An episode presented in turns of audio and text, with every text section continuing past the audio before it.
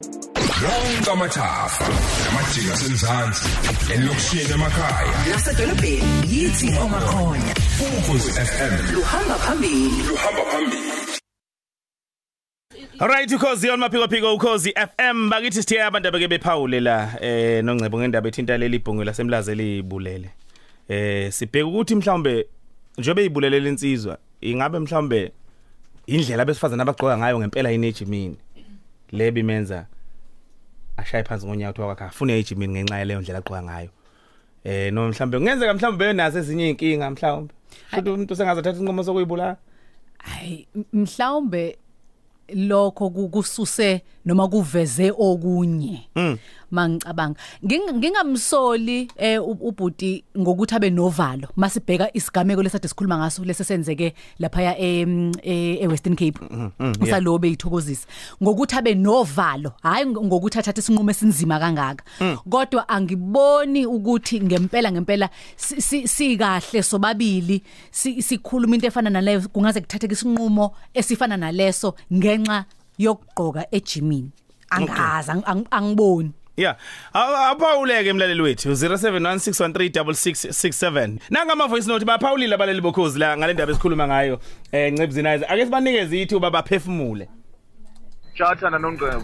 Akuthemba nje tjatha ukuthi wena uyazethemba yini ngomuntu wakho ngoba ukugqoka kusho ukuthi uzobe sesofika kwenzani ejimini. Uma uzethemba nje uzazi ukuthi hayi kuyisizwe kwethu. Akaphume nje umuntu wakho uyamazi uyamethemba akaphume nje ahamba ejimini ukuthi ugqoke kanjani ejimini ufuna yena kuzoya ukuthi yena uyiphethe njani yena. Ene lensizwa lena nje yini ukuthi uma ungaboni ngasolinye nomuntu wakho bese usuyayibulala. Hayi nako sengokunye nje lokhu ngoba kuthi ke vele phela usuku lokuvaka silibalekele ledula livele nje ngesikhathi esikabi. Ngiyabonga bafowethu uBoy ngwadlamini isibongo le endaweni yaseswazi. Eh tjatha ngithanga ngibingelele ninonongcebo ngumsithi lokhuluma kwadlamini. Ah ukugqoka kwabantu besimame ejimini vele ngeke kuhlonipheke tjatha ngoba phela kumele athole yokushaya umoya kuphumele emjuluko. Amadoda nje kumele aqine azi nje ukuthi umuntu esimame uzojima naye njengoba naye azojima. hawu tshata le ndaba lena ngisho ukuthi akuyona indaba yale gym ngisho ukuthi baney'nkinga zabo nje so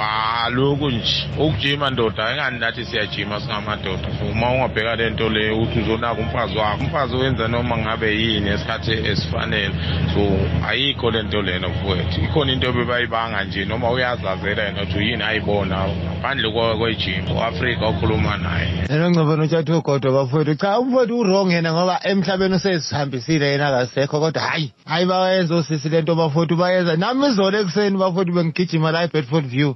Ngisuka la eJimistini ngajikela eBedford View ngajika ngemalveni ngabuya ngenza ngapha eJimistini nje ekuseni kunokuthatha umgwaqo. Hayi kuze kuthi ufake ibuko zokudima ubheke phezulu manje ke ngoba amehlo nawe nje ayathandwa aba nje yenye into ethanda ukubuka bafowethu ayikho lento sekusele oyedwa nje ngelinye ilanga uyobaqalela vele ukuthi bavele baphume bengagqokile endlini cha bonke funa ngicabanga ukuthi bayolandela uphiwe ngokwandle bematuba lo ngila ejimistin egoli ngamatoho bafowethu ngibonga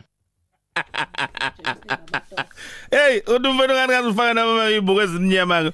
Udimeke. Kodwa nje uzobaqalela hambe. Alright. Bathi yazi ngiqaphelani.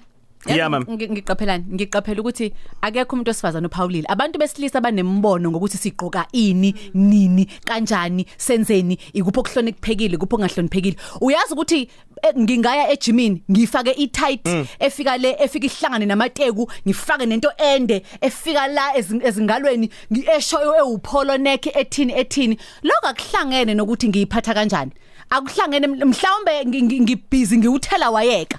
Ngingaya ejimini ngifake into engaka uitsibhitsi ongaka kodwa ngizazi ukuthi ngize ngokujima angihlangene noitsibhitsi wena mawubuka itsibhitsi inkinga yakho ngi- ngithule ngithe du. In- indlela engigqoka ngayo ayihlangene nokuthi ngiwufreeway noma ngiyirobotini iphuzu lelo noncebo iphuzu lelo unhlanhla msima ngengotshe uthi kodwa lo mfo usengaze azibulale ayibulalela ukuthi intombi yakhe igqoka kanjani ejimini pho. Eh uthi ngisola nje ukuthi mhlawumbe khona ongaphezulu kwalokho eh singakwazi. Thina. Eh iqiniso losisi ay- ay- uthi ayikhona angeke. So u- u- uthi kungenzeka mhlambe kunokuthiza ube ube ube kade kumhlupha lo mfo. Hayi indaba yokuthi ejimini gqoka kanjani ngoba akuyona into ngempela leyo singazithatha inqomo sokuthi hayi ngoba ufuna ukushintsha indlela yokugqoka moya ejimini singcono ngiyibulale. Yeah eh nekuyinto ke ebibhlungu kakhulu ikakhulukazi u- unina ozwakaleke ephefumula ke e- e- ekhuluma ngokuthi ke eh, lensizwa i- i- iyona yodwa futhi uyabona nje ukuthi i- ngempela i- i- uqemeke ngeqwantwala kubhlungu kakhulu. Nokho ke ukhona la eh uThokozane Sithole eh oy psychologist eh omeluleki. Sikubingelele eh Job esikwamukela khosini FM ngiyamnikelela tata nonongibona njani? Siyaphila ninjani? Sikhona bathu sikhona. Wena njenge psychologist ukuthini ukubona kwakho ngalendaba esikhuluma ngayo? Nje obuzwa nabalali bephefumula ngalolu daba lalensizwa egcine eh, inqume ukuyibulala eh njengoba kade yinempikiswano nowakwayo ngendaba ngendlela agqoka ngayo mangabe ejimini ngizovumelana nabalaleli labade be- be- beshayile and um na- nano- nanombono obono nongcebo ukuthi yindaba kufone abantu besilisa ikakhulukazi. So nami mina ngithe ngilalela ama voice notes ngarealize ukuthi hawu kwa- kwabantu besilisa aba- abaningi abafonayo. But ekugcineni into ebalekile engiyibonayo ukuthi yena kusuke kukhona into esuke ikhona besides ukuthi umuntu wesifazane usuke egqoke kanjani. Kuziningi ke izinto ezingenza lokho. Kwesinye isikhathi kuba i- i- i- u- u- i-masculinity yakho as umuntu wes- wesilisa uyibone zife iyaqetnisheka uyalulazeka ukuba u- u- u- ubudoda bakho wena u- umuntu wesilisa. Na- nalokho futhi kuya ngendlela of- ofike osuke ukhuliswe ngayo. And leyo ndlela leyo eyenza ukuthi imicabango yakho ishintshe. Ngakho ke ugcina usubona ukuthi yena indlela umuntu wakho ozwana naye agwa ngayo iyakululaza wena umuntu wesilisa. If ungabuka indlela abantu besilisa abakhule ngayo esikhathini sakudala ukuthi yena bekukhona lokuthi umuntu wesifazane kumele uhloniphe umzimba wakho. So as isikhathi zishintsha abanye abantu still imikondo yabo isa isa isa isabambelele leyanto leya ukuthi yena mina kumele ube kanjeni and then okubhlungu ukuthi yena umuntu wesifazane ugcina ngasakwazi yena ukuphila ngendlela akumele ephile ngayo because usecontrolekile kule situation ukuthi yena nazi into emele ngizenze lezi. But engikubona ukuthi mhlawumbe kugcine sekukhoze lo lo bhuti lona ukuthi kugcine senze kanjena kungenzeka ukuthi yena imasculinity yakhe was tested. To a point where ukuthi yena uyibona u- ukululazeka kwakhe umuntu wesilisa kukuwe in question. Then then ngakho ke egcine sethathe isi i-decision yokuthi egcine enze kanjena because ekugcineni kahle kahle uyabona ukuthi kunama insecurities akhona. Nanokuthi besides ama insecurities zikhona ezinye izinto ezenzakalayo thina esingazazi thina sibona sebe ungazi bacabanele ukuthi yena kade egqoke kanjani ejimini? But kukhona okunye kade kwenzeka ekhaya ofithi nakhona uyabona ukuthi it, it comes from a sense yokuthi yena mina ngumuntu wesilisa ngi ngi ngi ngi kule kule relationship lena abantu bangiviewa kanjani or ngiviewa kanjani ku- kule relationship lena? Jobe i- into eh e- engicabanga ukuthi ing- ingabuye ibe into ebalekile ukuthi siyibheke. Le ndaba ye gym asiqala ukuyikhuluma la uhlelweni.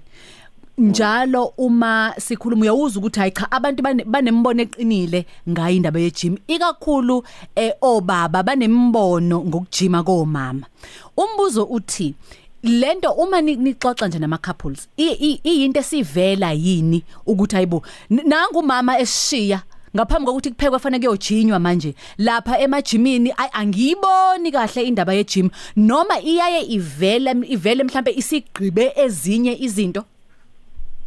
Ngicabanga ukuthi lento engiyade ngiyichaza ukuthi yena imasculinity yomuntu wesilisa uma ifragile kuba khona lo ukuthi yena ngeze ngi- ngi- ngimthembe umuntu wami kwabanye abantu abesilisa. So if ezohamba egqoke etight eye ejimini and then mina vele nginongazithembi kahle lokho kuzokwenza ukuthi ngibe nemicabango eminingi yezinto lezi e- engenzeka. But kwe- kodwa if umuntu wami ngi- ngi- ngi- ngi- ngi- ngi- ngimtrusta ngingenankinga naye ngeke futhi ngize ngiyibone inkinga yokuthini nihambe ejimini eyo eyozivocavoca mana ke Jobe ng- ngiya- ngicela ukubuza la indaba inokutrusta umuntu wakho noma indaba inokuzitrusta wena? Inokuzitrusta wena kuqala kuwena before ukwazi ukuthi yena ukutrusta omunye umuntu. So if ungakwazi ukutrusta wena akulula ukuthi uphinde utruste omunye umuntu. Could it be upartner Yeah. wakho or could it be umngani wakho? But if ungakwazi ukuyitrusta wena akulula ukuthi utruste omunye umuntu. usekulelo phuzo nje wejob mhlawumbe endabeni yoku- yo- yokuyitrusta wena njengomuntu em osuke emuntu wakhe ejima E- e- eyoke- e- eyokwethembeka ke yona ke mhlawumbe ayibi nomthelela ukuthi i- i- i- mhlawumbe insizwa njengoba uzizwa zi- zivuka indlobane nje. Uthola ukuthi mhlawumbe khona ungethembe okuthile akwaziyo. Uthola ukuthi kunokuhamba hamba kuvuke kwenzeke la. So ke mayisebonto ayi uma esejimini mhlawumbe ke hayi kuzoveleke ke impela ka hayi ke kwedlulele ke. Uthini ngalelo phuzu lelo? Ngoba yebo singayigcizelela indaba ukuthi umuntu ufanele azethembe kodwa manje phela nakho ukuzethemba zethembe uyinsizwa uthembeke phela uzethembe e- e- umuntu othembekileyo bakwethu. Ngoba nakho ukuzethemba kwesinye isikhathi uzozethemba kanti hayi ziwahle impela nje ubhekile. Ngicabanga ukuthi lento esho umlaleli wesithathu o-send voice note ukuthi um kunezinye izinto esingazazi thina ezenzakalayo ebezenzeka Mm, kule mm. relationship le. Nakho-ke. okungenzeka ukuthi sometimes if vele kukhona izinto e- ezizi- ezadala ukuthi ngingamthembi umuntu wami ngizogcina vele ngasakwazi ukuthi ngi- ngi- ngimnikeze i-trust yonke Mm, so mm. kungenzeka ukuthi yena zikhona ezinye izinto ezisuke zenzeka ingakho kubalekile ukuthi uma ukhona igameko mhlambe enhlangabezana nazo nomuntu ozwana naye nidlule kulezo zinto lezo ngokuthi nikhulume so that at least nizoqala Mm, phansi mm. Nibhide ya foundation leya because if kukhona ukuthi siyadlula but as- asiqalanga sa- sa- sabuilda le foundation then kuba i problem because if sekwenzeka izinto enjeni umuntu wakhe sethi lalela baba ngifuna ukuya ejimini then kuba i problem. Siyaqala Mm. sekubuya le yamcabango lo ukuthi if why Eish, wangidila ya. kanzima? Wake wenza into kanzima futhi. Uqedile ngetholo jobe siyabonga kakhulu mfowethu okay no I think eh uthokozana sitholeke besikhuluma naye oyi psychologist ngalesi sikhathi.